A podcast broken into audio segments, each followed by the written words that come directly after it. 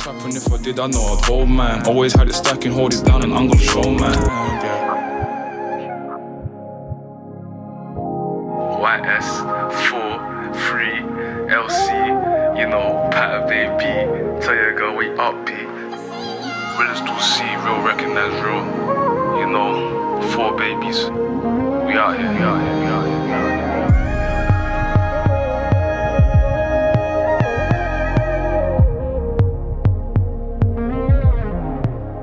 Хеј, хеј, хеј, хеј, хеј. Добро вечер, добро дојавте, Пандамониум радио шоу број 28.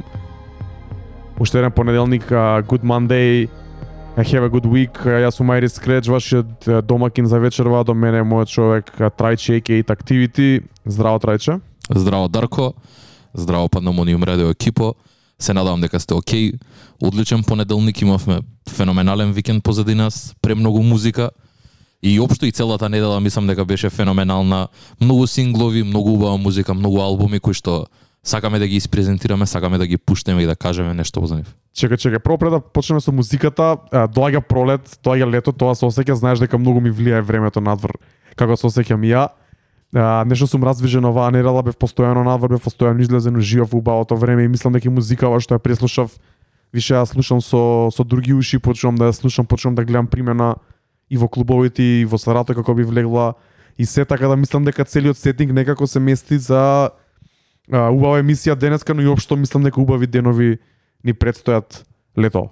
Апсолутно. А, мислам дека сонцето многу влијае на тоа, некако и музиката ја она ја чувствуваме на поинаков начин, се слагам а, во целост со тоа, така што пак ќе кажам, доаѓа лето и мислам дека и артистите го чувствуваат тоа и музиката ја вадат. Имаме она slated релиз низ цело лето, знаеме што следува веќе за некои од албумите. Се уште немаме датуми, но ќе стигне и тоа сигурен сум. А, секако big up до сите 20 луѓе што се нас во моментов на Mixalar. Многу добра работа што примети Трајче, 20 луѓе сите имаат акаунти, фала ви многу дечки што правите акаунти, што сте тука со нас у чет, што не следите на Mixalar. Ова е една платформа која е целосно непозната во Македонија, бар беше пред ние да почнеме тука и многу ни е мило дека доаѓате секој понеделник од 21 часот да не слушате и да има интеракција помеѓу вас, но и ние тука се разбира како домакини. Ова е Пандамониум радио шоу број 28, а и тераме многу добро, многу солидно. Некоја емисија има по поинтересна содржина, некоја не толку интересна, тоа зависи од музиката која ќе излезе периодот. И затоа сме секни дека денеска имаме стект емисија. Одамна не сме имале ваква, можеби најполна со добра музика од последниве неколку месеци. А, петокот беше луд, лудило со нови изданија. Джей Cole, Nicki Minaj, Джорджа Smith, Kodak Black, 21 Savage, многу синглови, плюс предходниот пат правевме Afrobeat Special, па не пуштивме ништо што излези од викендот пред тоа. Така да Пандамониум радио шоу број 28 многу сме возбудени да ви го презентираме се ова што го тепавме од слушање викендов. А, ќе почнеме тие што не слушаат знаат дека најчесто почнуваме со новите синглови, така ќе биде и овој пат не го менјаме распоредот. Ако дојавте за J. Cole, ќе треба малку да почекате и да преслушате предходно што имаме да ви презентираме а, пред да почнеме со J. Cole, кога ќе почнеме со албумите J. Cole, се разбира ние на прво место и ќе слушаме најмногу материјал од него, али знаете дека Pandemonium Radio Show го отвараме сега со нови синглови. Трајче кажи ни што слушнавме на почеток, слушавме четири траки, кажи нешто повеќе за нив.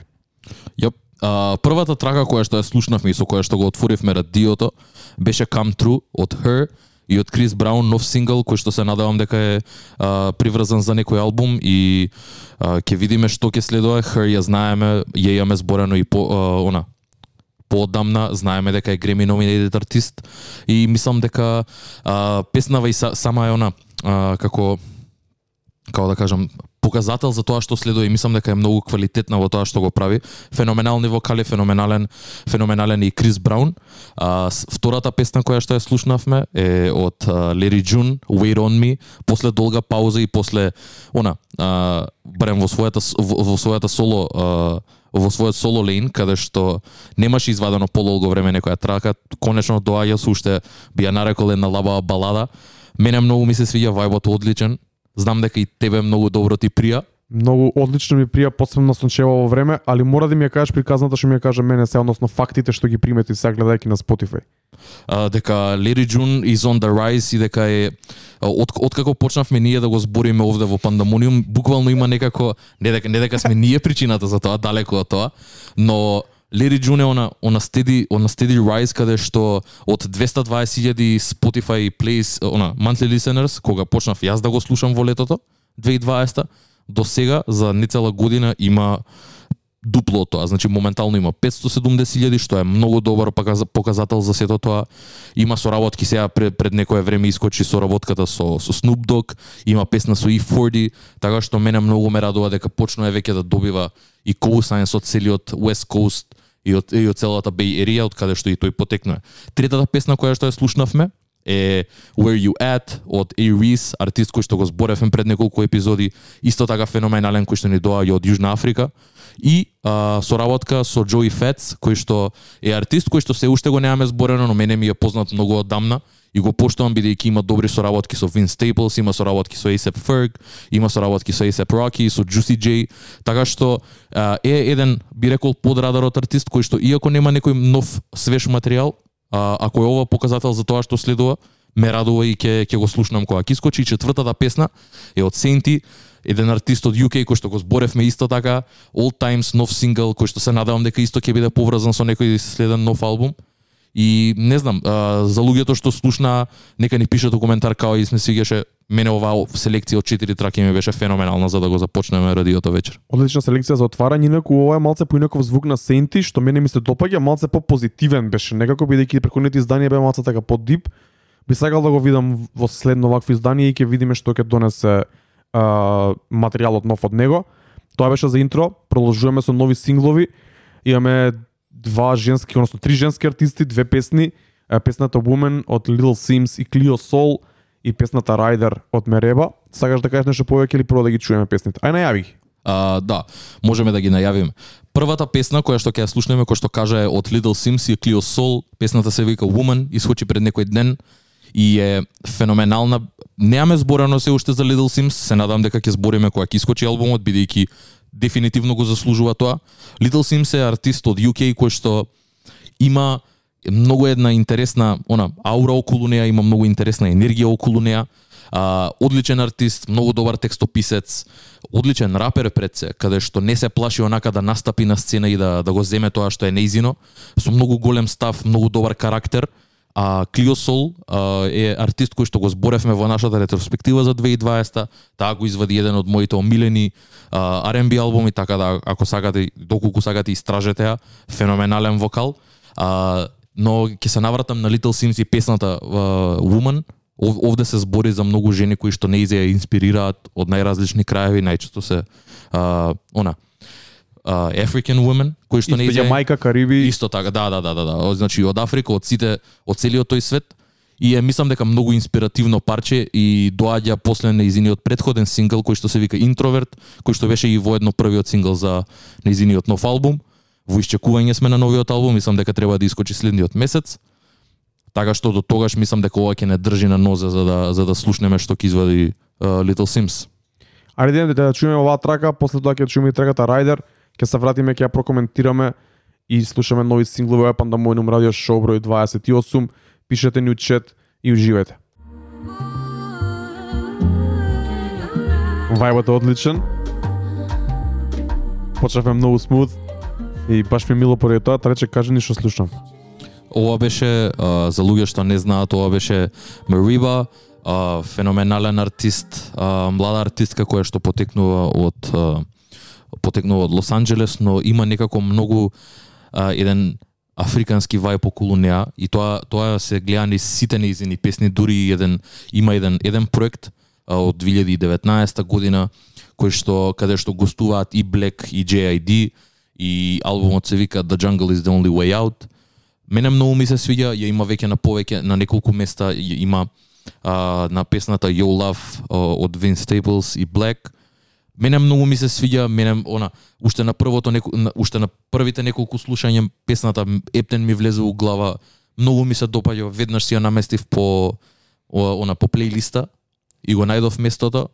а и целиот бит битот е таков каде што е она скрос е алте vibes, Алте, но, да, да, ама ама буквално. ама не е тој не, не е тоа тоа алте каде што зема референција од него и ја користи кој инспирација и си прави нешто собствено собствено изино, така што не можам да не ме нервира ова воопшто и баш противното, многу ми се свиѓа и сакам да видам што ќе има следно, се надавам на проект исто во 2021. Ако ви се допадна ова, проверете емисијата, репризата од емисијата од прошли пат, зборевме за Афробит, зборевме за Алте под стилот. Ако ова ви се допадна и ве влече натаму, проверете го тоа, сигурен сум дека ќе ви се допадне. Тоа беше може да кажеме интрото, сега ќе влеземе во трапот, ќе го појачаме малце темпото, иако со поспоро со поспор интензитет ќе почнеме, но тоа беше да речеме интро, сега почнуваме со имаме пет нови трапиш, трап синглови, е, сите се добри, сите некако на го вестија дека доаѓа летото, сите кои да се спремаат кои да ги вадат бенгерите што ги имаат во фиока, па така и интернет мани за кои малци прошлите пати ги ги критикувавме поради повторливиот звук кој се проведува ни секој нивен сингл, некако не нуди ништо поразлично. И овде не дека е нешто различно, но песнава веќе е хит, има на многу плейлисти. А, песната се вика His and Hers, Internet Money продукција, на која гостува Дон Толивер, Lil Uzi и Гана, проверена комбинација, што супер звучи на ваков бит, оној вајби, вајби вајб што го зборам ја, така што го викам. И ќе слушаме после тоа трагата Nine Bridge, Rowdy Rebel, A Boogie with a Hoodie, New York in the House, да ги слушнеме овие две песни, да се вратиме да позбориме уште малце да го појачаме темпо и да се- да спремиме атмосферата за новиот албум од J. Cole, може? Идеме. Don't even panic, I know you my man. Let's just hold that shit down like we Bobby and Roddy. I'ma let you know if you moving sloppy. Don't say that you got me when you never look. Used to go to the PJs, meet up in the lobby. Now we on the PJ right to Abu Dhabi. Значи нема појако која на трака на Rowdy Rebel се користи референцата Like Bobby and Rowdy. Тоа ти дава нека стейтмент колку е тоа братство значено во културата онака. Трајче, извини, моја грешка не окренав трајче. А, факт. А, знаеш што? Само уште некој нека ми објасни зашто се уште месеци подосна Бабиш Мрда нема извадена песна. Тоа мене ми треба тоа онака за for my sanity ми треба ми треба одговор на тоа прашање пошто не можам да се поменам со тоа. Многу се радувам дека Rowdy Rebel го прави ова што го прави. А, многу некако нагло се движи кон да станува се подобар и подобар, многу е помелодичен, не се плаши да да го користи својот вокал. Многу ме радува тоа бидејќи човекот беше 7 години, 6 години, не знам колку точно беше во затвор, а, каде што а, цело време значи се повлекуваа за да не за, за да не влезат во во едноставно не сакаа да бидат дел од тоа, го напуштија тој живот и сега се врати и тоа се врати на голем начин. Овде и Буги with the Hoodie, одлична поддршка за Rowdy Rebel, феноменален на самиот на самиот а, корус, многу ми се свија И не знам, ова искрено ми е многу подобро него ли His and Hers. Иако и таа песна многу ми се свија, но кој што сега зборевме пред да пред да почнеме, пред да се ставиме на мајк, а, ме нервира дека е она поишако формулирано. И знам дека и ти го и имаш истата замерка дека иако ни се свиѓа самата песна ми се допаѓа и Гана ми се допаѓа и Дон Толивер ми се свиѓа и Лилузи и тоа Лилузи нај, највеќе од сите тројца сепак звучи онака некако преформулирано прекоза на радио, ги, ги има сите тие точки каде што она чеклист каде што сите се откуцуваат и знаеш дека таа е песната за летото. Гитарчето, рефренот на Дон Толивер, битот, имам иста ваква пред 3 месеци има, пред 6 месеци иста таква, она само кога ќе помине хајпот за едната, само вадат нова, го реплицираат тоа што е можеби окей, браво за нив, make the money, make the internet money, али во еден момент станува репетитивно и нема више поента.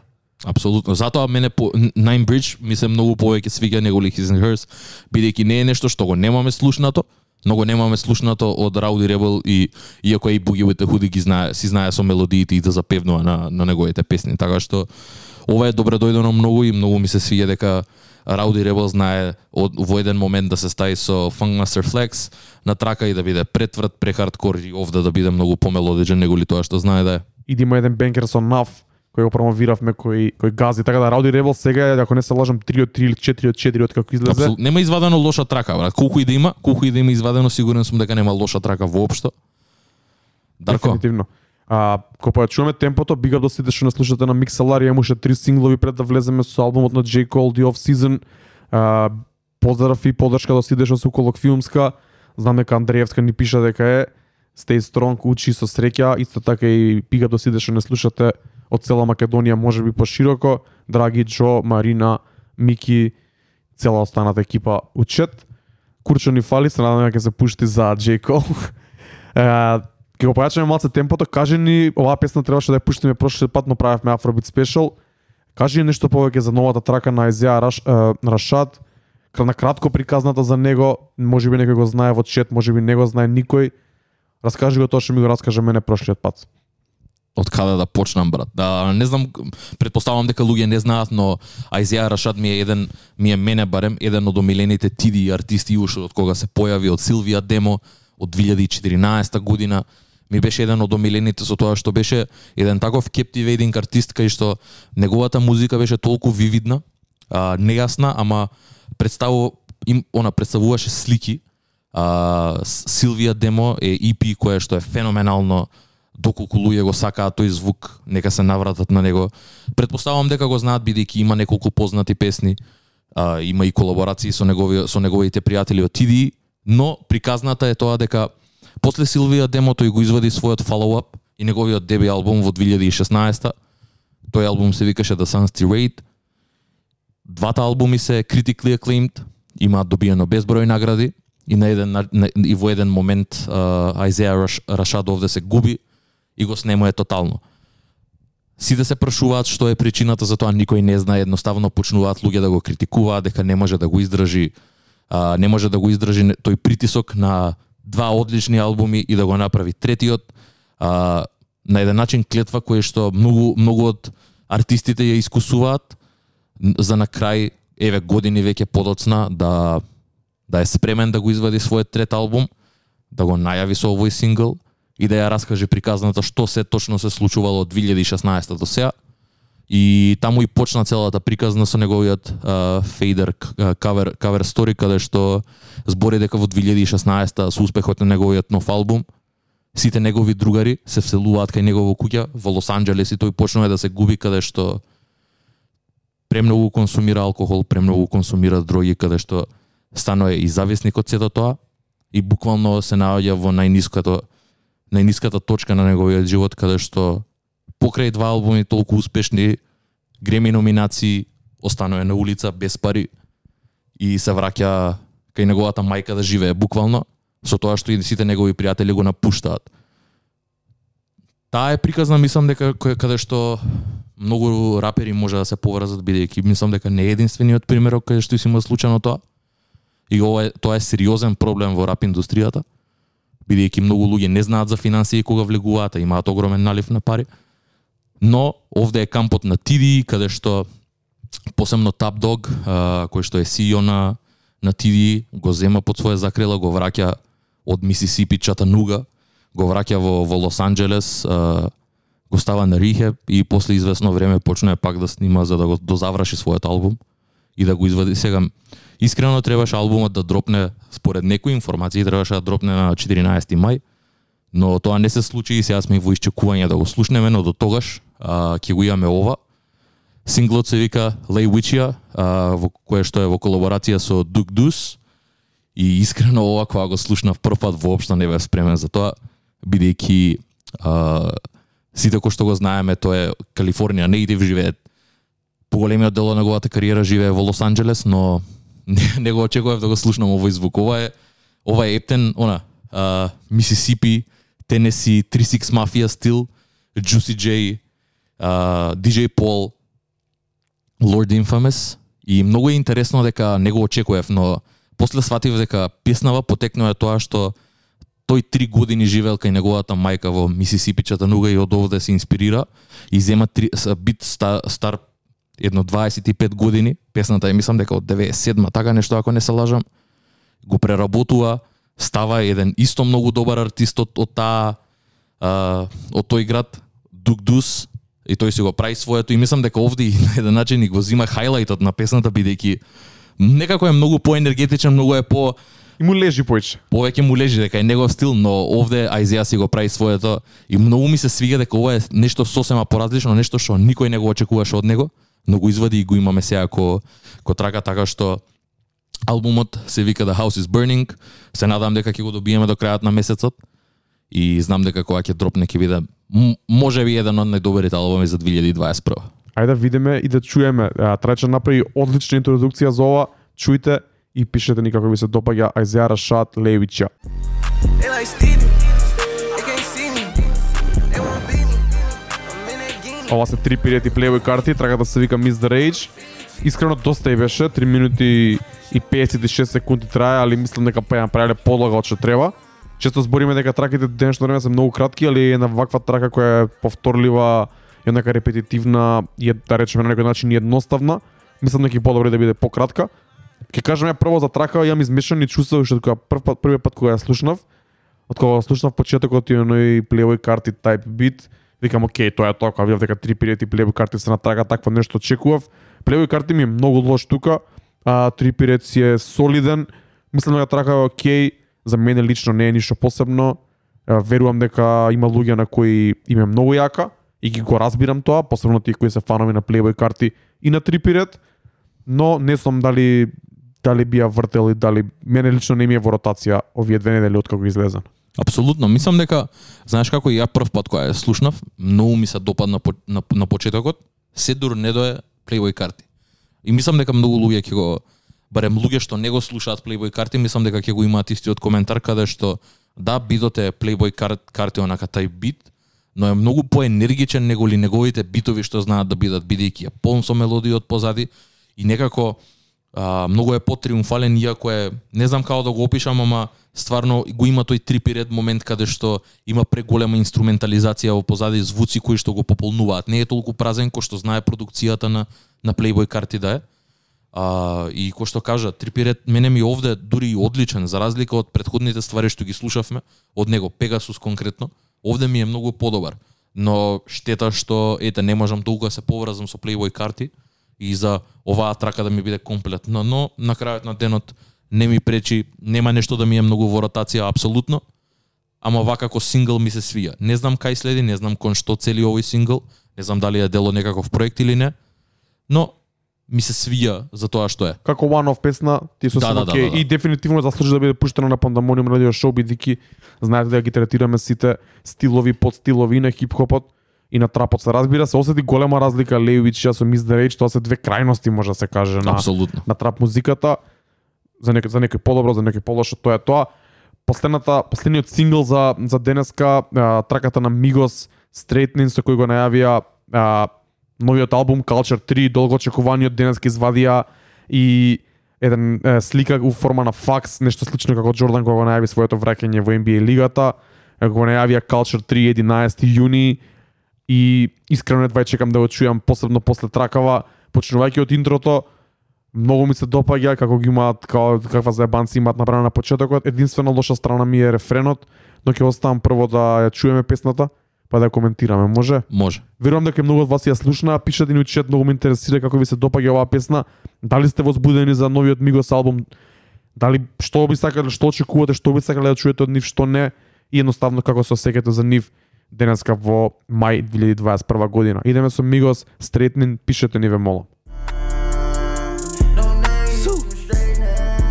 Ова е најавата за Culture 3. Помалку од еден месец, едва го чекаме, мислам дека Мигос треба да се одјават со тој албум да да ја заокружат таа три, трилогија, триологија и некако да да можат полесно да си да предат во завршната фаза на своите кариери. Апсолутно. Юни 11 и The Culture 3 uh, искача на исти ден со, со новиот албум на Лери Джун, така што и тој ден ќе имаме што да слушаме. Uh, но, uh, знаеш како? Одличен, солиден сингл, единствениот uh, мис за мене ми е самиот хук, Исто. кој што според мене мислеле дека е доволно кечи, но на крај не испаднал да е и го ставиле да биде така како што е. Мене ми се многу добри. Ја гледам енергијата, тоа ми се многу свиѓа бидејќи нешто што во последните две години ми фалеше кај Мигос беше енергијата и синергијата помеѓу тројцата. Едлибс малци им се played out бидејќи ги користат цело време истите. Нема нешто многу, да, знам дека Джоджо го имаше коментирано тоа и се слагам со тоа. И на крајот на денот сега тоа тебе ти го спомнав тоа од Culture 3 се што се, се што сакаме да биде само уште еден добар Мигос албум. Да подсеќа многу на Culture One и иако можеби можеби тоа значи дека ќе биде трубек. Немам никаков проблем со тоа бидејќи Culture One стварно се зацементираше како нај, најважниот албум за трап културата во во времето кога што искочи. Така што 11 јуни ќе видиме што ќе ни а, што ќе ни приложат. Не знам, не знам едноставно не знам што да очекувам, бидејќи ова е првата најава, а овде е блиску албумот, така што не знам уште колку синглови ќе имаат планирано, не знам какви фичерс имаат, но онака, I'm looking up for it. Да, а, јас ја ми се допаѓа многу енергијата, ми се допаѓа тој став, тој attitude, тоа го напишав и во а, текстот први импресии за J. Cole и за тоа и ја ставив оваа последна песна пред да почнеме со J. Cole и со трагата 95 South, бидејќи гледам паралели помеѓу овие две песни. Е, и Мигос и J. Cole се долго време во играта се ветерани. Мислам дека и и едните и, едните и другиот се осеќаат дека се можеби малце подценети од новата генерација на публика, на публика која можеби не е запознаена со нивните дискографии, со нивното влијание и нивното значење на сцената. И некако сличен став гледам. Ставот на тоа, иако сме постари, нема туку така да се откажеме од тоа што е наше и знаеме каде припаѓаме. И ако е таков ставот низ Culture 3, мислам дека Мигос Криспа бидејќи голем дел од луѓето наша генерација, малце постари, дури малце помлади кои што израснаа или пораснаа со музиката на Мигос преконата декада, се уште ги, ги сакаат повеќе од некои нови артисти, што е нормално, секоја генерација си има своји артисти и мислам дека Мигос имаат голема публика према која може да презентираат својата музика, иако сигурно за некои 16 годишни сега може би се лейм, лейм, лейм или корни или досадни или не знам што, но мислам дека Мигос имаат што да кажат и треба да го кажат тоа да го направат како што треба за крај. Тоа беше Мигос Стретнин, чекаме да видиме што ќе донесе Culture 3. Почнуваме со албумот на годината сега за сега, албумот на викендот сигурно, J. Cole, потрагата 95 South, може да почнеме, албумот се вика The Off Season, пишувавме за него, зборевме за него на стори и верувам дека голем дел од вас го имаат преслушано. Ќе почнеме со преслушување на песните, ќе слушаме по две-три песни, ќе влагаме да збориме за нив. Слободно пишете ни ваше мислење да го кажеме и тука и на радио. Да почнеме, мислам дека време е, така? Идеме. Идеме со 95 South J. Cole по стоти пат.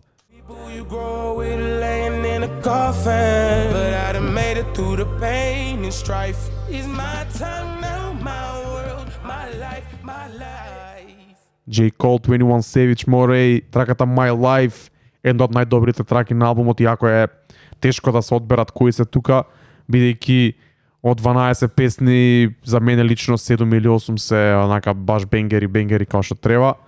А, почнавме со траката 95 South, ја и трече без стапен во Pandemonium Headquarters, првиот пат кога го пуштив албумот, кога слушнав кемрон, кила кем на интрото, кога слушнав лил джон на аутрото, целиот бит, стварите кои ги кажува бев онака чудо невиден што се вика и двај чекав да ја вратив неколку пати и едва чекав да продолжам да слушам што има понатаму да каже.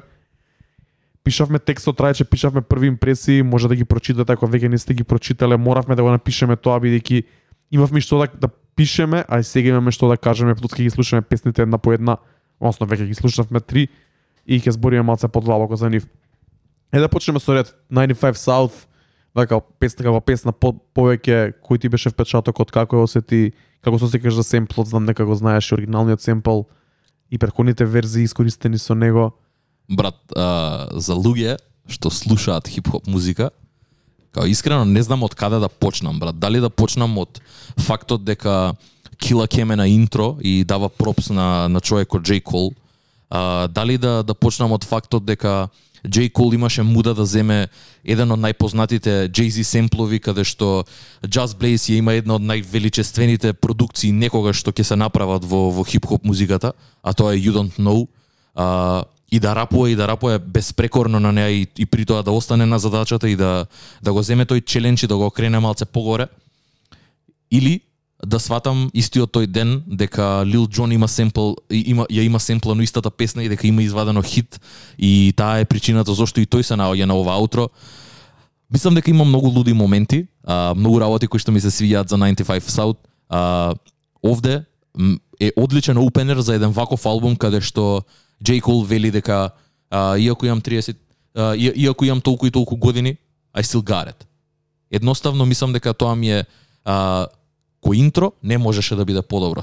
Едноставно не знам што што би можело да го смени да го смени ова парче од музика. Не ми е не можам да си го замислам, не можам да си го замислам поинаку како започнува целиот албум. Памтам како го пуштив и како изреагирав уште кога, кога го слушнав семплот. Онака збеснав, исто кој тебе Тико што кажа го вратив 10 пати. Буквално не ни стигнав 10 секунди да преслушам, он тоа се вратив онака едно 10 пати и после успеав успеав да ја слушам. Знам дека и тебе многу ти се добаја оваа песна. Кажи ми ти што мислиш на пример и кои се твоите а, дали имаш воопшто и некакви забелешки и кои се твоите позитивни коментари околу? Е, конкретно за прва трака немам забелешка, ми изненади од секој можен поглед. Lil Jon аутро на J. Cole трака, не би можел да замислам. Killa Cam и J. Cole, ајде да речеме дека има нека поврзаност, но пак не би можел да си, кога слушнав Killa Cam се изненадив. Битот е таков бит како што најмногу сакам да рапу, да рапува артисти како Джей Кол или како Кендрик на него или како Дрейк, знаеш дека такви триумфални победнички битови многу сакам и мислам дека вакви артисти што имаат што да кажат може да го кажат, да го направат тоа многу добро на еден ваков инструментал, бидејќи кога Джей Кол и кога артистите кои ги спомнав се на такви по бумба, по лоуфај битови, да, они имаат подобар сторителинг и така натаму битот остава така, но ова ми е за ова е за мене перфектна перфектен баланс помеѓу тоа раперот да може да каже тоа што сака и да го направи тоа поенергично, а и самиот бит да биде како што треба и да можеме и да го пуштаме во клуб и веднаш да му најдам примена и плюс да вози. Ова дефинитивно ќе на нашата плейлиста за трчање. Апсолутно. Ова е уште неколку траки од, од, од албум. Апсолутно, мислам дека дека е нон-брейнер за за посебно за 90, 95 South за да се најде Дефиниција за та, за таква некоја плейлиста за вежбање за трчање. дефинитивно. А траката Амари, како што можам да видам, има најмногу плейс а, на Spotify за, а, заедно со My Life од сите песни кои се на албумот, освен двата синглови кои излегоа предходно. Зашто баш оваа трака има толку е толку кај луѓето позната? За денеска пред да почне емисијата излезе спот за неа. Мене лично ми е солидно, но некако во заедно со другиве и не ми влезе толку на радарот од првите слушања. Па искрено мене ја ја малце поинаку се осеќам за песна бидејќи мене ми се свиѓа овде. Овде многу ми е добар джейгл каде што менјам добри флоус, а, менува вокал, почнува да пее. А самата песна си има многу позитивен вајб.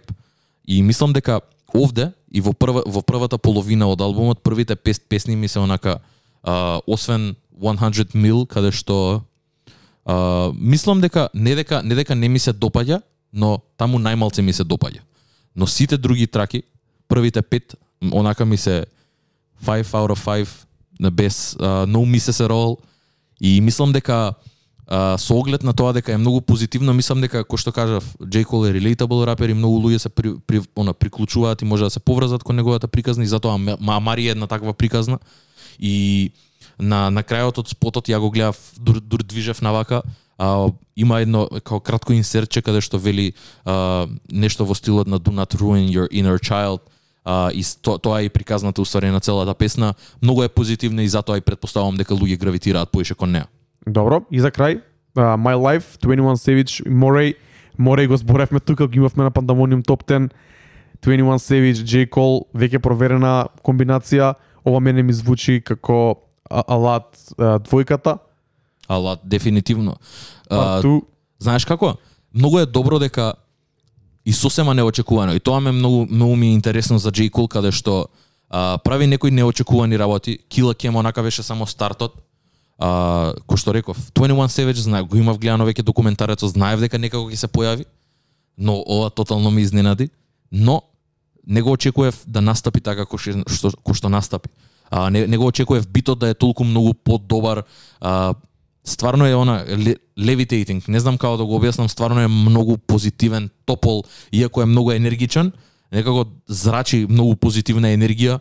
А, Мори овде е феноменален а, и тоа нешто што приметив случајно преска читав а, дека уствари овој овој рефрен е земен од Styles P и што е исто така еден, еден, еден легендарен рапер од Нью Йорк И интересно е дека J. Cole овде прави се спротивно тоа што прави во претходни проекти и многу ме радува дека го прави тоа бидејќи гледаме дека она на еден начин и позајмува, но ги позајмува на многу на многу убав начин. тоа е давање е, омаж и плюс е, менување, правење на, на, но, на нешто во нов стил, инспирирано од минатото, што е супер. И тоа е за мене освежувачки кај J. Cole. Ајде да ги слушаме, да ги слушаме и следните три песни кои ги имаме спремно за вечерва, па ќе влеземе уште еднаш и ќе збориме уште подлабоко. Ќе има има тука некои а, контроверзни коментари ќе ги наречам од Драги и од Нот Мики. Ќе ги продискутираме нив, ќе почнеме дискусија зашто овој албум некој му се допаѓа толку многу, дали хајпот издржан и така натаму. Идеме со следните три песни од uh, The Off Season од J. Cole, Applying Pressure, 100 Mil и Pride is the Devil. Уживајте, пишете ни и после тоа влагаме да збориме пак за него. Албум на годината сега, за сега дефинитивно. Pride is a devil. mm. And I think it got a hold on me. Pride is the devil. mm. And it left so many RIP. Pride is the devil. I think it got a hold on me. Pride is the devil. Uh. Значи за мене ова е дефиниција онака како треба да звучи една песна која у исто време има поента, има силна порака, има добар фичер, е кечи, е енергична, е оштра. Двајцата артисти се на ниво, онака дефиниција за ќе кажам десетка песна. Онака. И на крајот на денот не се плаши да реупотреби бит кој што веќе го има го имаат искористено и тоа на прилично доста и доста познат албум Од пред една година. од пред една година кој што реално и се уште е актуелен. Тоа е албумот на Мине, насловен Limbo. Ги имаме пуштено тука, го имаме зборено. Дури и песната Candy Side ја ставив на мојот последен микс кој го направив заедно со брат ми Ведран. Така да мене ми ептен свежа и кога го слушав прв пат албумот, кога почна, си викам чекај да не заврши албумов од кај се ми се префрли сега на, на Мине, али кога видов си викам чекај, чекај, Lil Baby сега на ова ќе биде? Да, да, да, да. И мене ми беше тоа реакцијата каде што као не бев свесен дека Lil Baby може да заврши на ваков бит, но и и тоа се случи. Но интересно тоа е што Lil Baby си ја има многу сериозно земено оваа задача и си го има доставено своето домашно кој што треба и многу поише од тоа, бидејќи овде се гледа дека она знаеш како е класи, поише е ко класична класична соработка каде што еј Lil Baby сакам да ми гостуваш на албумов, повели а, ова е тоа, но на крајот на денот овде Lil Baby као се надоврзува на J. Cole, као влегува во својот врз, е феноменално и мислам дека тоа а, е реток момент каде што уште еднаш покажува Lil Baby дека е рапер многу сериозен и дека не треба да се подцени и дека е многу поише од рапер. Во смисла каде што има контент, има многу онака каншенс во неговите во неговите а, текстови и мислам дека луѓе не треба и не можат веќе да го негираат дека не е тоа што уствари тој вели дека е. The bigger picture, брат, да не да не збориме, една од најдобрите траки за 2020 година. Мислам дека влијанието, ја песната има големо влијание во тоа во менује на погледи на стварите, бидејќи мислам дека за Lil Baby, иако он стопат има докажано дека е повеќе од тоа, ова е уште еднаш да доеш на ваков албум, каде што има само неколку гостувања, да си ја завачиш домашната како што треба. Во исто време му дава и некој таков под наводници стрит кредибилитет на J. Cole, бидејќи Lil Baby е еден од најпопуларните артисти, доста слушан, да речеме на улицата во Америка, во клубовите и е win-win и мора да се каже дека сите фичерс на албумов си ја завршиле работата како што треба, што многу ми се допаѓа бидејќи знаат каде доаѓаат, знаат дека доаѓаат кај J. Cole на, на албум Апсолутно. и не може да е подпросечно. Мора да е солидно. Ја тоа го кажав. Овде има а, две рап features и тоа едната е 21 Savage и другата е а, Lil Baby. Може ли да бидат било кои? Значи Джей Кол има премногу соработници, го има целиот Dreamville Camp. Тој на крајот на денот за, за 12 траки си има одлучено за 21 Savage и за Lil Baby. И тоа мислам дека кажува многу бидејќи сигурен сум дека имало многу голем круг на луѓе кои што сакале да влезат на албумот и сакале да бидат дел од него но на крајот на денот Джей Кол ги држи сите онака во, кан- во, во своите раце ја држи целата креативна контрола и намерно има одбрано а, не, не, се, не се тие сосема случајно овде.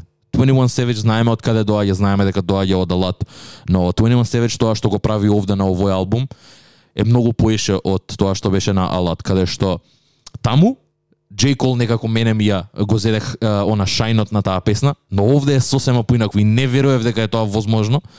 И овде, и тоа ми беше една од она, а, тоа ми беше еден од коментарите за целиот албум каде што Джей Кол буквално од Two Features беше два пати убиен од, од, од неговите гостувања и тоа го, го тврдам дека 21 Savage тоа што го направи на My Life е многу поише него ли Джей Кол тоа што го направи на истата трага, иако е Джей Кол феноменален, 21 Savage е таму буквално in its own lane и си прави тоа што си прави. Многу ме многу ме радува дека веќе луѓе кои што се она сертифицирани кој трапери и кои што имаат таа етикета си излегуваат од тој лен и, го, и, и, и се докажуваат дека уствари се многу поише од тоа и едноставно луѓе old heads како и да е луѓе што не ги почитуваат мора да прекинат и не, и, и не можат веќе да ги негираат дека уствари тие немаат контент во своите текстови бидејќи стварно имаат. Целосно се сложувам со тебе. 21 Savage е одличен пример за тоа како еден артист кој доаѓа од трапот може да напредува во својата кариера и да го надмине тоа ниво и таа придавка на трапер да речеме.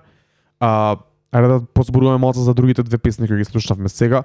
100 Mil за мене лично една многу а, ќе кажам мотивирачка песна, малце ме подзамисли текстот имам 100 милиони еден стил на грайнд, уште уште грайндам, малце се подзамислив бидејќи карантинов Иако работев, него почнав и пандемониум и се, па, карантинов за мене напреда да сум таква некоја малце поспора брзина, поспоро темпо и си реши си реков да, Джей Кол е управо, има 100 милиони, а немам 100 милиони морам да вубацам пак у пета и да пробам пета брзина и да пробам пак да ги да ги да пробам да ги направам 100 милиони и уште тоа и тогаш пак да видам некако од, од тој аспект многу ме, ме, ме мотивираше и многу ме ми, ми даде некоја таква енергија и искрено ми изненади дека да, знаев дека и он е во некој hustle mode и во тој mixtape mode што го вика Курчо, али дека е толку запален, не очекував. Така да за мене поише како како како како контент, како начин на кажување, како таа директност и таа мотивација, многу добро ми звучеше и ја ќе ќе кажам дека рефренот ми е малце репетитивен. Намерно е тоа така направено. Апсолутно. Мислам дека ова е поише, знаеш како? Ова е направено а може би единствениот атемпт за нешто да биде малце она радио френдли, но на крајот на денот не мислам дека на J. Cole му треба такво нешто, нема потреба од песник на албумот кој што треба да бидат пласирани за на радио или за некои други платформи, но мене 100 Mil, иако ја сваќам целата поента околу песната, го обожавам овде и бас. А, не знам зошто, но ова ми е најнеомилената песна од целиот албум. Не воопшто не не, не дека не ми се свија, не се работи за тоа, но сите други 11 ми се многу подо, многу подобри него ли ова. Оваа некако според мене ми е најславата И не, не е ни скип, не се работи за тоа. Едноставно, од сите овие толку се сите траки квалитетни, што ова искрено мене ми е најлошата од сите нив. Но, знаеш како, а, кој што кажа, многу убаво го кажа тоа, микстейп кол брат. Целиот албум, барем, ете, јако долг J. Cole фан, кој што го почнав да го следам од 2009 година. Од микстеповите. Да, да, да. The Warm Up, The Come Up, uh, Friday Night Lights. Мислам дека буквално се тоа што тогаш правил и на начинот на кој што звучел тогаш, мислам дека овде само го има тоа сумирано во некако на многу по енергично, многу пооштро, многу повозрасно, Ама и со многу повеќе знаење 10 години покасно. Апсолутно. Да, да, да. И мислам дека и тоа цел, тоа е целта на самиот албум каде што тоа е го кажав преска. Имам 32-3 години. I still got it. Као не се зафркавајте со мене, не мислете дека ова ова не се, ова не се работи, ова не е албум кој што може би е толку многу relatable со сите луѓе. Ова е J. Cole каде што се докажува дека е многу подобар и дека знае да биде уште толку подобар на сите други да биде. И тоа мене ми се допаѓа бидејќи јас сакам таков рап, сакам рап кој има содржина, но во исто време има и помалце курч, има и помалце attitude, а, енергичен, директен, битовите се добри, мене овде битовите ми се одлични, сите, сите ме возат, разновидни се, повеќе ми се допаѓаат трап битовите, но и оние кои се бумбап ми се окей. Така да за мене е ова баш онака квалитетно рап парче, рап албум за кое скоро да немам замерки. Тоа дали дали и колку ќе го слушам и што ќе остане од ова ќе видиме, но вако прво слушање, ова е се што ми се допаѓа кај рапот, онака има Да, да. од време на време нешто паметно се кажува, има курч, има це по нешто, има гостувања добри, баш ми е комплетен албум, добар како што треба да биде. Многу значајно за денешно време, не е многу долг, тамане, 12 песни, 39 минути, лесно се слуша, песните се релативно кратки, онака мислам дека е погодок од Види, и мислам дека, знаеш како, и тоа е поентата, овде има еден, буквално еден панч во самиот албум, кај што вели дека тој ќе ги направи нивните бројки на, на другите рапери, без да извади дабл диск, бидејќи денес се знае дека тоа е малце чидинко, онака ако извадиш палце подолг албум со 20 и кусур траки, дека е несомнено дека ќе добиеш она uh, 100k first week numbers и мислам дека J. Cole моментот кога кога дропна албумот, а, серверите на Spotify падна, јас знам дека у првите 15 минути не можев да го слушам. Дарко баш сега пред буквално 5 минути кажа дека а, на чартовите на Spotify, ако не се лажам, дека е 9 од 10 се најслушаните песни, така? Да, пр, а, Викендов од 10 прелудо. најслушани песни 9 се на J. Cole, што е многу лудо. Тука сега да ти поставам едно прашање, дали бидување real може да ти донесе популарност, слава и успех. Дали е ова добар пример за тоа или не? Па да брат, и, и знаеш како и самиот J. Cole го вели тоа во, во, во еден лајн на неговиот албум каде што многу луѓе флексаат, преголема е сатурацијата со флексање онака и со збонење работи и представување на живот кој што не е нивни, едноставно као знаеме тие пари од каде доаѓаат и баш тој толку тоа го вели као даја перспективата на рапер кој што сака да успее, но е броук и нема пари за да ги плати сметките. At least that perspective is real. Тој тоа го вели и ја потполно се слагам. Го имаме зборено и тоа, и имаме зборено дека фали таа перспектива во рапот бидејќи премногу а, премногу се појавува а, се појавуваат онака секој втор рапер е таков исти и не, едноставно као е клон на предходниот. И премногу се живее по онаа поговорка fake it till you make it во рапот. Апсолутно. Што пред е 20 години да, може да и беше некој рецепт, али денес и денес е рецепт да, ама сите кога пробуваат да го прават автоматски губи на на значење. И знаеш како на крајот на денот тоа е каде што е, баш тоа тебе ти го зборев. А, а, мене искрено умилен албум од а, на J. Cole ми е а, For Your Eyes Only, каде што албумот ко, ко парче музика во целина е многу по длабок, многу по многу потежок каде што J. Cole многу по а, е многу поискрен, многу по спуштен на земја, не збори толку многу за своите достигнувања, туку збори за, за своите грешки, за својот живот, неговите предизвици кои што ги има со неговата керка, со неговиот син, со неговата жена и тој е многу по-relatable, многу е по-дип а, за разлика од ова, но на крајот на денот е многу поедноставен и е многу по а, многу по направен за да, за секојдневниот човек да се поврза со него. Ова не е тоа. Ова е буквално Джей Кол си го зима се тоа што го има, се враќа во својот коледж, во својата коледж куќа и почне да пишува си прави дрилс, прави некоја чудна конекција со кошарката и љубовта за кошарката со музиката. Почнува да пишува многу и овде единствено нешто што е поразлично кај Кол е каде што е тоа што е тој многу поостар. Многу е поостар, многу е по онака како умен на еден начин и го користи сето тоа знаење да да го формулира овој албум и да направи едно дело кое што мислам дека за одјава кој што вели тој е феноменал, феноменален онака аутпут за, за да си заменеш и да те снема од играта, ако веќе тоа е планот. Он сака со ова да се одјави? Искрено се надевам дека нема, но тоа се неговите планови, тој тоа го кажа.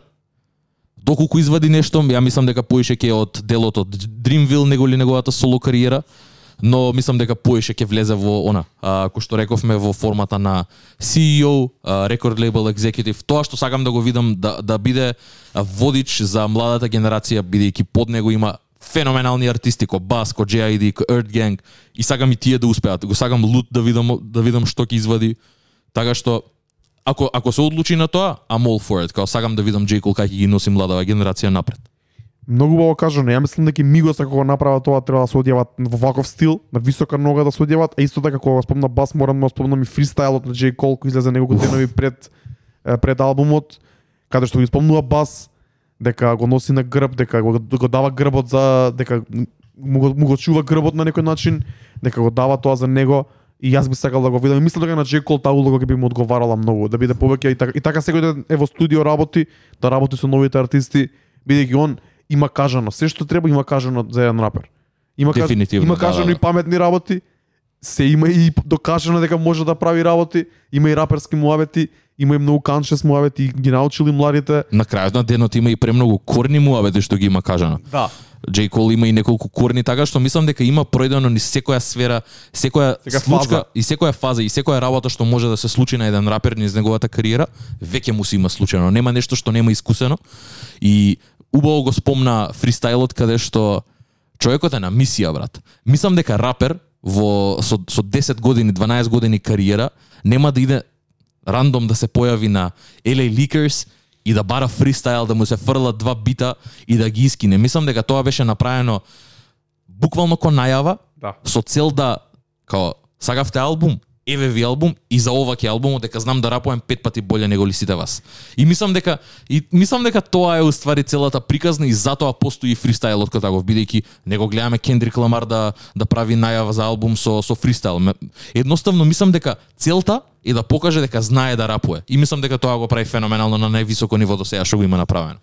Се сложувам со тебе. С- Се сложувам и со Андреевска која вика после толку треш токинг, ова е многу голем slap in the face за сите што го ругаат Джей Кол. може би не го ругаа, но сите што го подценуваа на некој начин, може да се каже. Big up до Курча, кој знам дека е голем фан, Джей Кол is the shit.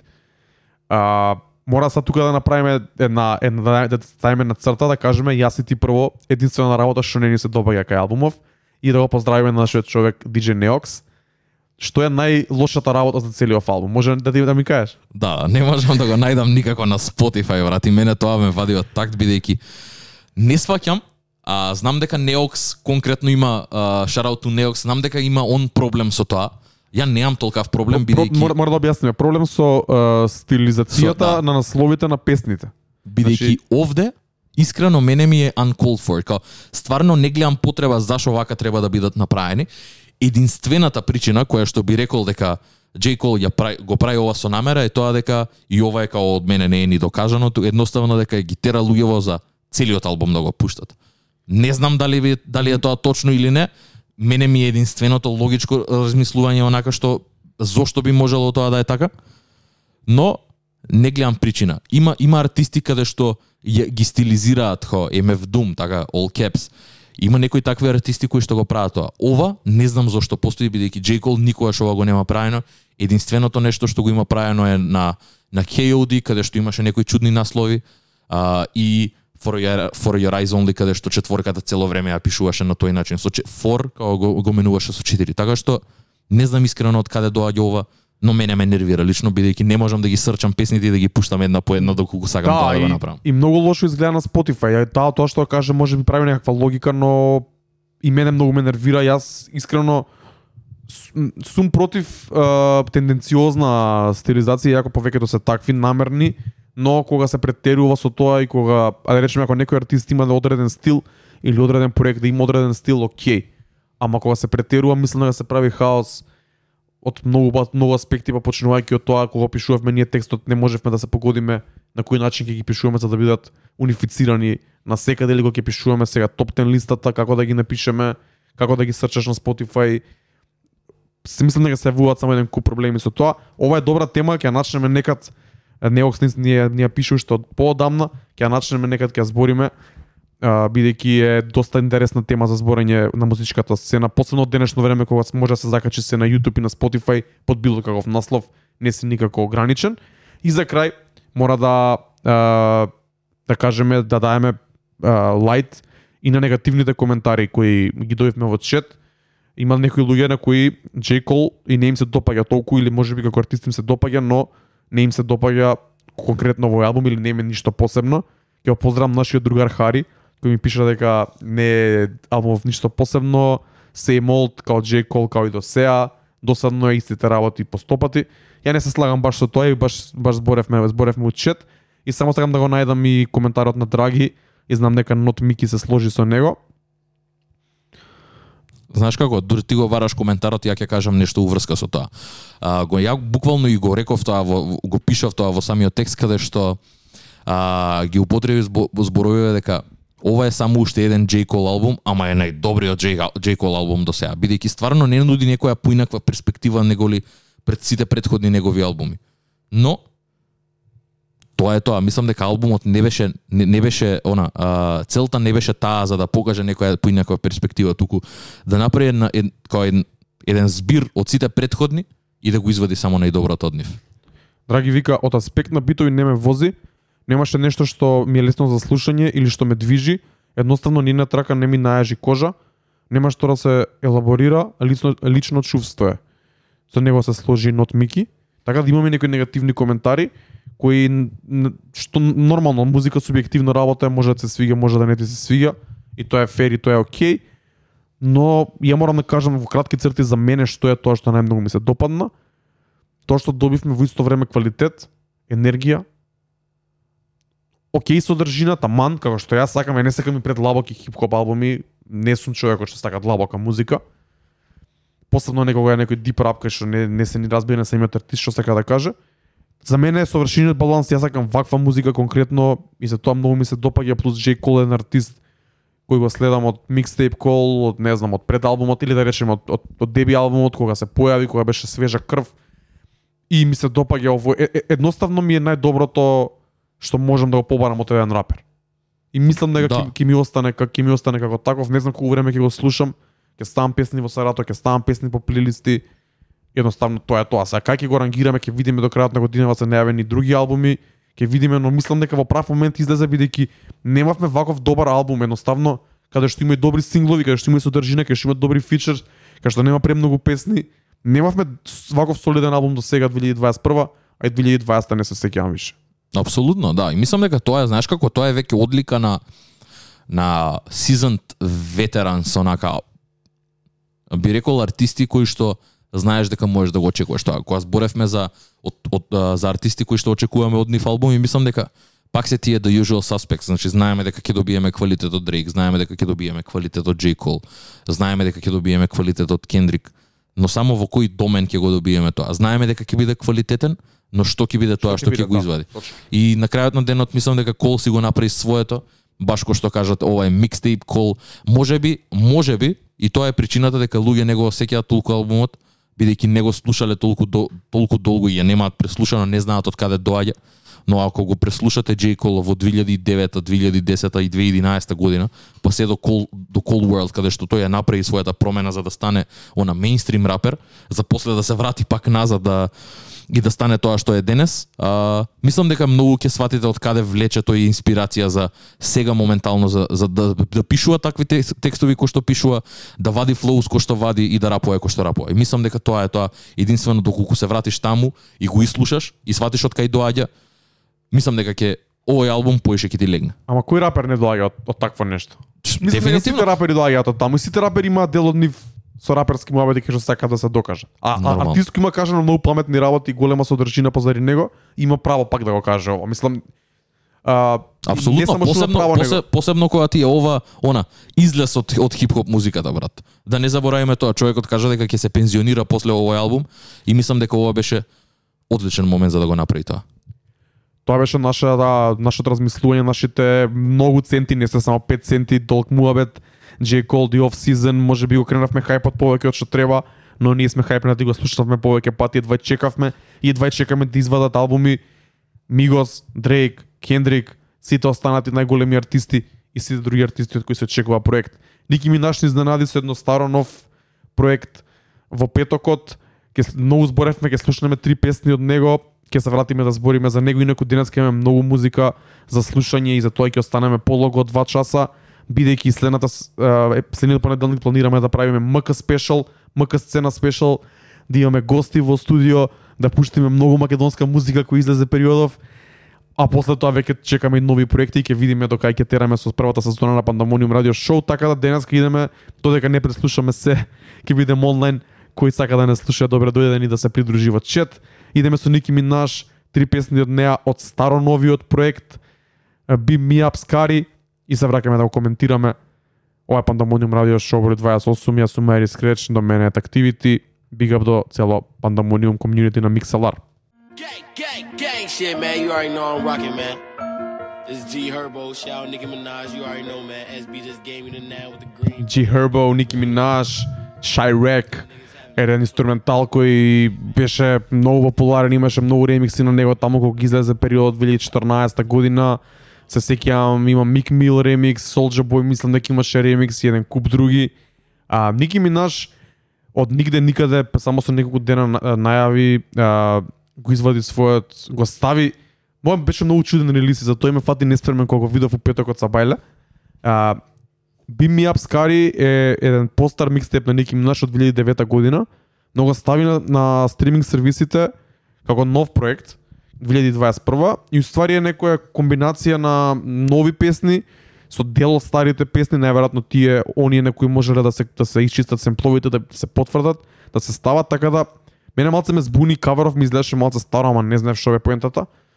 Uh, Beam Me Up Scary значи стар микстейп кој има сега некој реиздание во 2021 година со шест нови песни.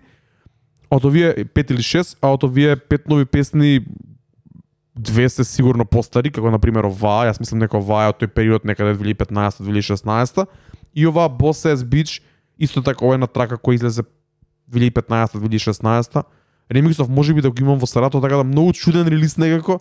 Не знам што ни донесе само неколку нови песни екшели. Мислам дека уствари а, единствената оригинална песна е можеби и онаа со Дрейк и со Лил Уейн бидејќи и текстовите се се свежи, тоа се гледа и во самиот лирикс.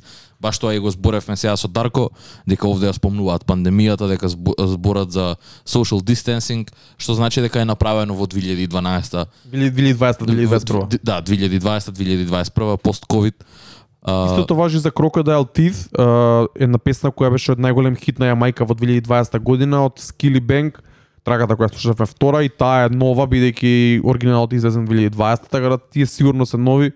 Овие другиве не знам што се, но како и да е. Ники Минаш мислам дека го направи ова за да, да направи и мал троубек и мене ми направи троубек бидејќи кога слушнав траки како ремиксот на Best I ever had. Best They Ever Had, како трагата Gotta Go Hard со Lil Wayne или трагата Easy со Gucci Mane and Rocco. Тоа беше еден бенгер, out my boy Baki. Тогаш бевме heavy на Gucci Mane и на целиот тој камп таму од 2009-2010. Тој тоа беше тоа почетокот на трап звукот кој го знаеме ние и ми направи тробек, но во исто време мислам дека е онаков еден потек слично како Кол и како Мигос да се покаже, да се да се докаже, не знам зашто сите така така се осеќаат, нали можеби поради пандемијава, поради паузата која се стави светот, но стариве, постариве под наводници ветераните на сцената кога да се осеќаат дека имаат уште што да кажат и што да направат, што мене лично многу ми се свиѓа. И се додека вака добиваме некои траки како Seeing Green, каде што настапуваат тројцата од ростерот на YMCMB, нешто што веќе и скоро никогаш не се случува, I'm all for it, брат. Овде Дрейк е феноменален, Lil Wayne е одличен. Мислам дека нема лош на тракава, но факт е дека Дрейк овде онака Reign Supreme, дека е најдобар на самата песна и многу ме радува за тоа. Многу се радувам бидејќи а, знам што следува, а, се гледа дека се уште она го има тој хемистри помеѓу нив. Lil Wayne е се уште овде и овде да остане. А, Ники Минаш си го прави своето и тоа на многу добар начин. И Дрейк е овде онака хайлайтот на целата песна каде што е последниот врз, каде што неговото интро е онака каде што збори нешто што ме потсеќа на 2010-та Дрейк. А, не знам, а, има има некои носталгичен момент да. за за целиот за целиот микстейп и мислам дека и со право е изведен и ова е целта да те врати малце назад. А, во времето 2009 беше многу одамна.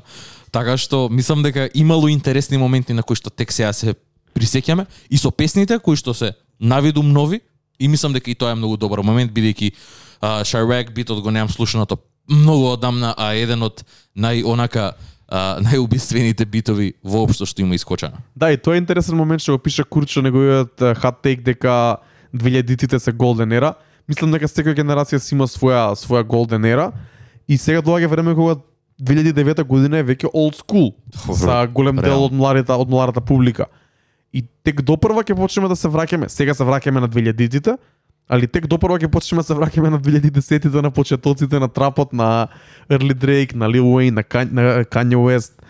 Така да ќе дојде време кога ова ќе биде онака класика. Ве, веќе можеби е, но ќе дојде време кога ќе се третира како што сега што се третира на пример Next Episode или а, 50 Cent или A Tribe Called Quest или појма немам. 90 2000 Еве ти, еве ти само една компарација за колку време има пројдено од 2009 брат.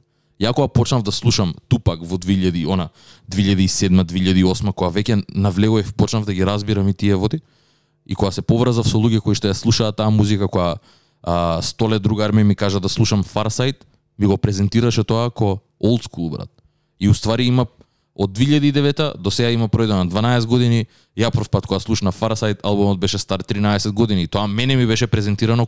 Точно. Така да можам да предпоставам за луѓе кои што се родени во 2005-6 и почнале да слушаат музика во 2017-18 и, и се навлечени веќе на карти, за нив тоа е многу одамна, Точно. 2009 и тоа што правеле Дрейк и Best I Ever Had ништо не им значи нив брат. Они не може да се поврзат бидејќи не биле во таа ера, не живееле тоаш и нормално дека за нив тоа ќе биде old school на еден начин, а може би за нас ќе биде златната ера бидејќи ние сме вирееле во неа. Ние она го имаме направено тој цуд го имаме доживеано тоаш и мислам дека со право и та, тоа за нас е а, на еден начин и златната ера на хип-хопот и нормално е тоа. Еј, мора да го открием ова, спремаме на еден серијал на миксови, една голема плейлиста која ќе се вика Iris Lost Gems, која ќе се состои од претежно од 2010-та, 2010-тите а, декадата, но и доста доста материјал од 2000 од 2000-тите. Посебно таков материјал што јас сум го слушала, знам дека во Македонија не бил третиран како Dipset, Мора, Killa Cam, Fabulous, брат. значи се тоа што да, Young Money, Early Lil Wayne. Ми имаш како и да Значи, знаеш. А, али ова е ова е само нака као го пуштам како водичка кој знае кога ќе биде, али го имам како идеја, го прередив се ратото и имам веќе почва да почнам да работам на тоа. Еј, го кажа веќе нема враќање назад, мораме да го добиеме како и да. Ајде, Јас сум веќе хајпнат. како микстейп серијал и како плейлиста. Во исчекување, брат, го чекаме.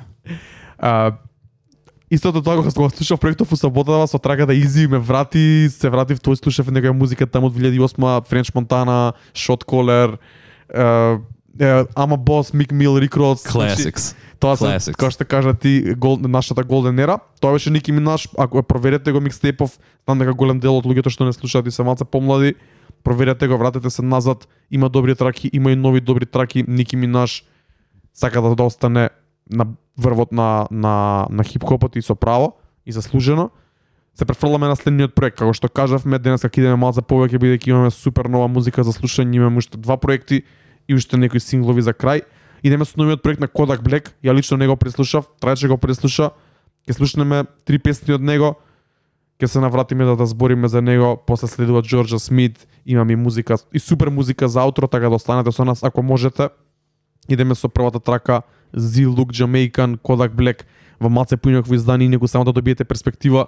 Албумот се вика Haitian Boy Kodak, тој има потекло од, од Хаити и на овој албум не се срами да го покаже тоа, баш напротив е горд на тоа, како што може да се види и по насловот, што е многу интересно за еден артист како Kodak Black, кој е познат по многу други работи. Идеме со Kodak Black, Z Look Jamaican и уште две песни и влагаме да коментираме ова, пишете ни како ви се допаѓа, Пандамониум радио шоу број 28. Don't leave me, baby.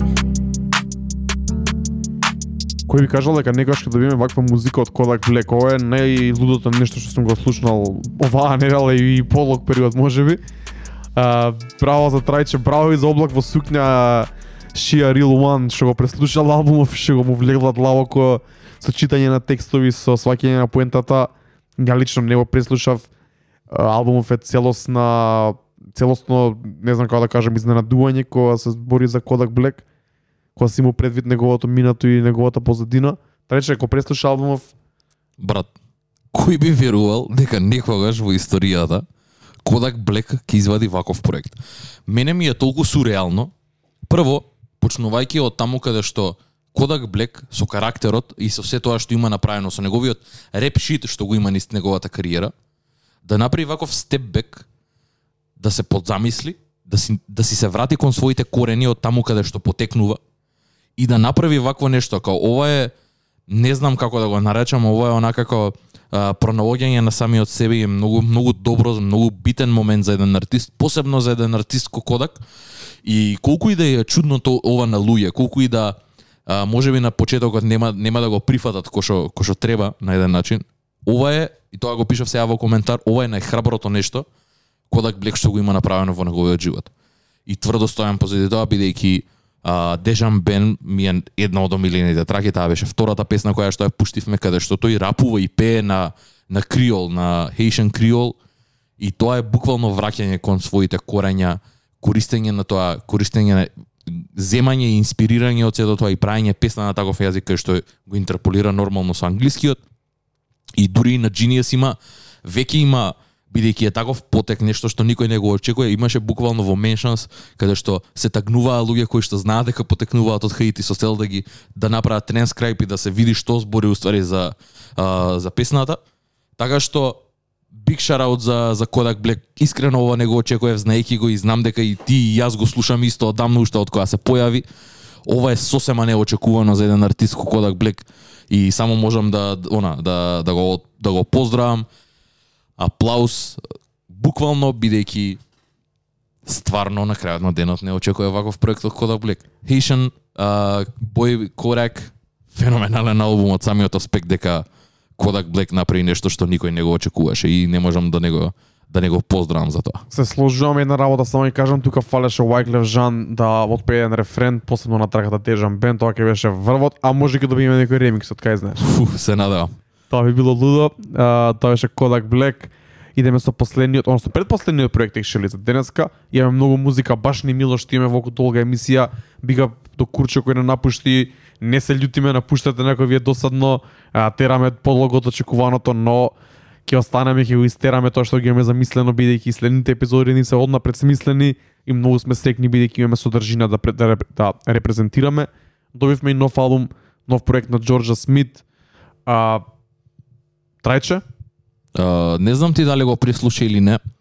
Искрено, знаеш како, а, ова е краток проект а, и не знам дали беше очекуван или не, бидејќи веќе ја добивме Disappointed, Addicted, тоест ако не се лажам, И гон ја добивме. и Gun ја добивме, да, тоа беа двете, а, двете песни од албум кој што има 7 или 8 траки, 8. 8. А, така што има small runtime, не е нешто а, предолго, не би рекол дека е албум, албум, може би ја, ја би го сватил поише ко, ко EP. По EP, да, да. Но знаеш како, многу е интересно дека Џорџа се поише и поише некако навлага избе, ги избегнува тие О, ова во сршта е R&B албум, но не е R&B албум кој што луѓе би ја знаеле од соработките со Дрейк, од, соработките со Предита или некои такви. Едноставно ова е веќе многу поише наликува на музика која што би ја креирала а, не знам, артисти која Адел да кажеме, нешто бидејќи овде Џорџа е буквално онака си вели еве го мојот вокал. Тоа што Джей Кол го прави со неговиот албум, овде мислам дека Џорџа го прави тоа каде што продукцијата е скоро и непостоечка, значи битовите се такви кои што се ова е музика, музика не е бит, туку е инструмент каде што стварно се свири.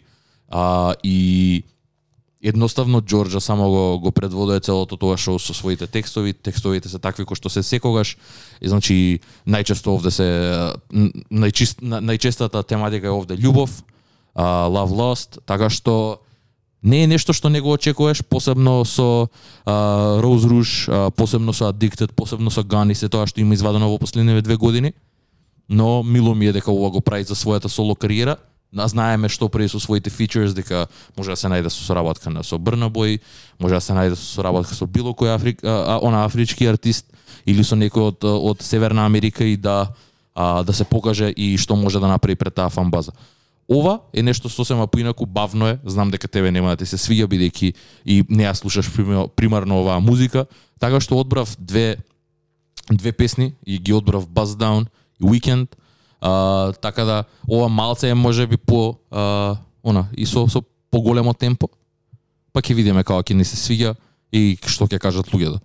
Сега ќе идеме со Buzz Down featuring Shabo, Georgia Smith, Be Right Back. Идеме.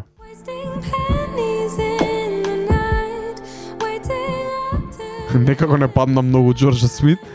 Е, управо беше трајче дека ова најверојатно мене нема да ми се свига, не е ова мој стил. Е, така да двата синглови кои излегоа претходно може и повеќе ми се свиѓа. Бас Down траката ми беше окей дека го имаше тој африкански момент, али ова дефинитивно над Мекапов ти. Добро ќе беше да го пуштавме ова на почеток, но го третираме како проект и затоа го ставивме малце подоцна, како што си како што си оди редот. Убаво ги стеравме денеска. Последен проект или што е ова од, од The Alchemist што сакаш да ни го презентираш? Ова е EP, исто како и Be Right Back. Uh, ова EP се вика This Thing of Ours и излезе во целост пред две недели, но го третираме сега бидејќи сега му дојде ред. А, многу интересно, доаѓа многу одма одма после последниот албум на The Alchemist кој што го извади со Арман Харам, кој што се вика Харам. а, и овде е uh, EP која што е буквално само 4 траки и 4 инструментали од од самите траки. Многу интересен бидејќи продукцијата е овде сосема алхемист, многу е многу е карактеристична. А, се на овде а, настапуваат Earl Sweatshirt, Navy Blue, Boldy James, Sideshow, Pink Sifu и Maxo и уште еднаш Earl, Earl Sweatshirt, овде Earl Sweatshirt онака Ring Supreme има феноменални features овде. Uh, Курчо си исклучим и кажа дека овде има еден многу интересен семпл од, од македонски uh, композитор кој што и, и знаеме сите кои што го слушаат Алхимис дека тоа е онака генија која доаѓа за за копање семплови и ништо не не, и не ме чуди тоа воопшто да семпла некоја македонска музика. Uh, Earl Sweatshirt, кој што кажав, е одличен, Navy Blue е овде феноменален и тој изводи уште еден нов проект. Uh, Болди James исто така на мисија, четири траки, но се многу полни со енергија, онако што знае да биде еден алхимист проект, така што uh, This Thing of Ours не разочарува воопшто и уште еден, иако краток и мал проект, а многу важен во она за целата континуација за за Алхемист и за неговата кариера. Ова мислам дека ќе не држи. А, имам одбрано две песни.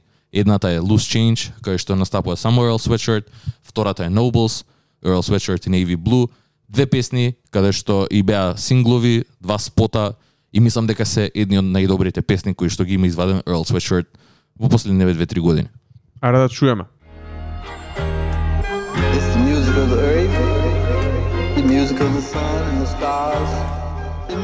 На крај скроз отидов му длабокото, одлично, значи онака full circle направивме Пандамониум радио шоу селекција. Морам да дадам big up до мојот човек Activity кој се погрижи за 90% од селекцијава денеска и big up до сите артисти што извадија проекти и што ни дадоа теми за муабет и музика за слушање. Дај Боже секоја недела да е вако. Тоа беше The Alchemist, Earl Sweatshirt. Значи, слушнавме нови синглови, модерен звук, нови албуми, нови EPs, нов микс, старо нов микстейп, а малце, да речеме под наводници, underground rap. И за крај имаме две песни кои се скрос оф, онака, ап темпо, фузија со, со хип-хоп, така да мислам дека имавме одлична емисија, полого од последните пати. Big Со up право, издржано. издржано има Мораше вака да биде. Да, да, да, да, да, да, да. Е, мораше ова вака да биде следната недела ќе имаме МК сцена спешал кај што ќе пуштаме и избориме само за македонска музика. Е, сакаме да ни дојат драги у студио, ќе се потрудиме може да донесеме уште еден гостин у студио, ќе видиме. Е, фала ви многу што станавте до крај со нас. Ова е крајот на Пандамониум радио шоу број 28. Ова долга плейлиста од 29 песни ќе направиме паблик утре од Сабајле, ќе може да се навратите да ја споделите со вашите пријатели или да ако некоја песна ви се допадна, да дорите да се ја чуете на Spotify. Uh, јас сум Мајри Скреч, до мене е Activity, ако имаш нешто да кажеш и да се одјавиме. Ништо, освен тоа дека да им се заблагодарам на луѓето што се секој понеделник со нас. Ви стварно ви благодариме за уште една одлична емисија. Фала ви што останавте до крај. Uh, Седор има вака музика, Седор ке, ке, сме ке сме овде, ке, ке пуштаме и ке, ке споделуваме музика. Се надевам дека секој понеделник е ваков полн со музика и мислам дека летото ете предстои пред нас и мислам дека и артистите ќе ќе се погрижат за тоа и дека нема да не остаат онака на суво. Дарко, сакаш да кажеш нешто ти за одијава и па да ги најавиме и последните две траки со кои што ќе ќе го направиме аутрото? Повели најави ги траките, јас само ги поздравам уште еднаш луѓето. Фала ви што еднаш и од мене. Утре се читаме пак со топ 10 листа, со трак листа од емисијава, IGTV видео за некој ден кој ќе го спремиме, имаме 20 минути од прилика снимам материјал за J. Cole, така да ќе го посветиме и IGTV-то на него. Трече повели, поздрав од мене. Поздрав Дарко. Јас само ќе се одивам, ќе ги најавам последните две траки со, за кои што ќе го користиме за аутро. Првата е од Duckworth, еден артист кој што мене ми се појави на ретроспективата за 2020 за една од најдобрите траки и ова е во соработка со истиот артист. Песната тогаш беше Kiss You Right Now. Сега се сега новата песна е Birthday Suit, значи Duckworth во соработка со Раяна Джей. А, и втората песна е исто од уште еден артист кој што го имаме зборено и Димитар Милев има пишано текст за за овој мувмент и за овој артист. Артистот за кој што ќе зборам е Шанел Тре и песната Lights Up. А, и кој што кажа Дарко, ап темпо, многу брзо на некоја фузика, фузија со електронска музика и рап, нешто што мене во одредени моменти многу ми се допаѓа. Така што ќе ги оставам овие две овие две песни да идат до крај. Овде ние се одјавуваме. Јас сум Тактивити, тоа беше Дарко, Айрис Креч, Пандамониум радио шоу број 28. Добра ноќ.